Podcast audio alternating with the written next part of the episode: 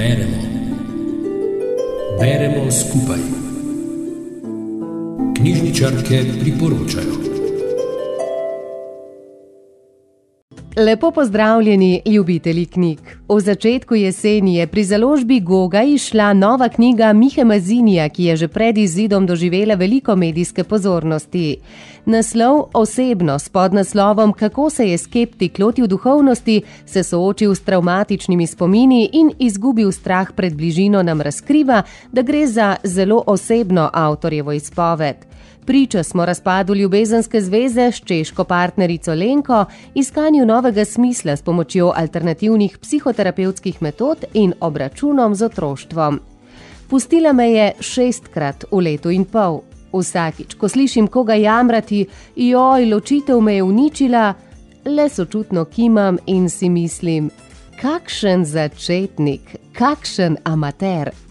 Zgodba, ki je pisana v prvi osebi, se prične spomladi 2020, ko se avtor znajde v čustveni praznini. Dosti mlajša partnerka Čehinja Lenka ga je v letu in pol zapustila šestkrat zapored, tokrat pa je njen odhod dokončen.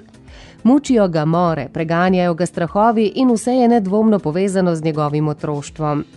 Prijatelji ga zasipajo s predlogi in čudežnimi rešitvami, od hoje po žerjavici, desetdnevnega klečanja pri budistih, šamanskih obredih, dovajanju energije kar preko telefona, do hoje po Jakobovi poti.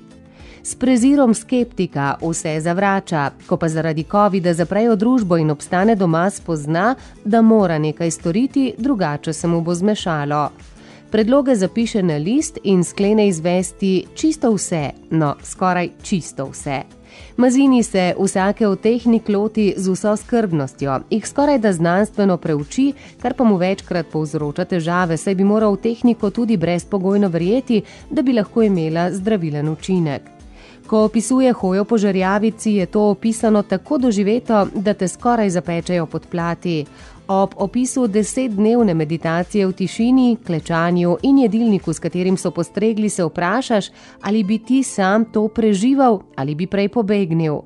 Zaradi zlomljenega srca so mu prijatelji predlagali pot kamino, kajti na poti je veliko ljudi in romance so pogoste. Na kamino pa je odšel v času prvega vala epidemije, srečal res malo ljudi in lahko se je posvetil le sebi.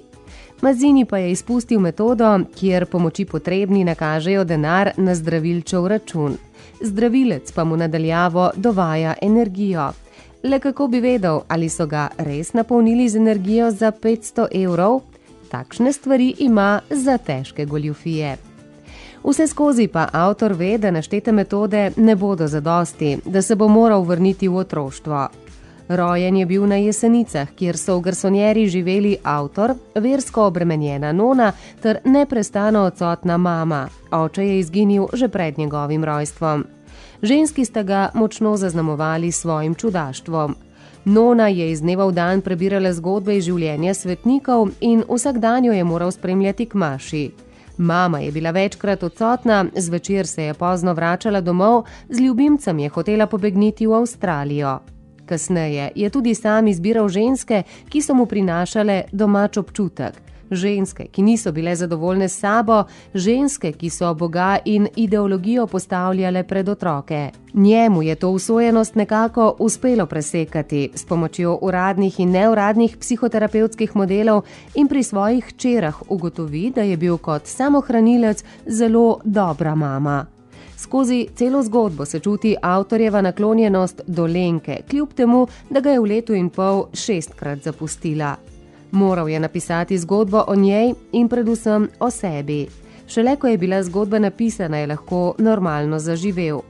Knjiga se, tako kot vse Mazinjeve, dobro bere. Je duhovita, na trenutke humorna in cinična. In zelo, zelo osebna ali kot pravi Boštjan Gorenc Pižama, da je v branju prikimaval Mazinijevim domislicam ter želel malega mihca objeti čez rame in ga potolažiti, da bo bolje. Ne dobro, bolje pa. Knjiga, v kateri se najdemo tudi sami, pravi Tatjana Bertonca iz Škofeloške knjižnice Ivana Tavčarja in nam jo priporoča v branje. Pa lep večer še naprej vam želimo. Rubrika Beremo skupaj nastaja v sodelovanju z Radijem Sora.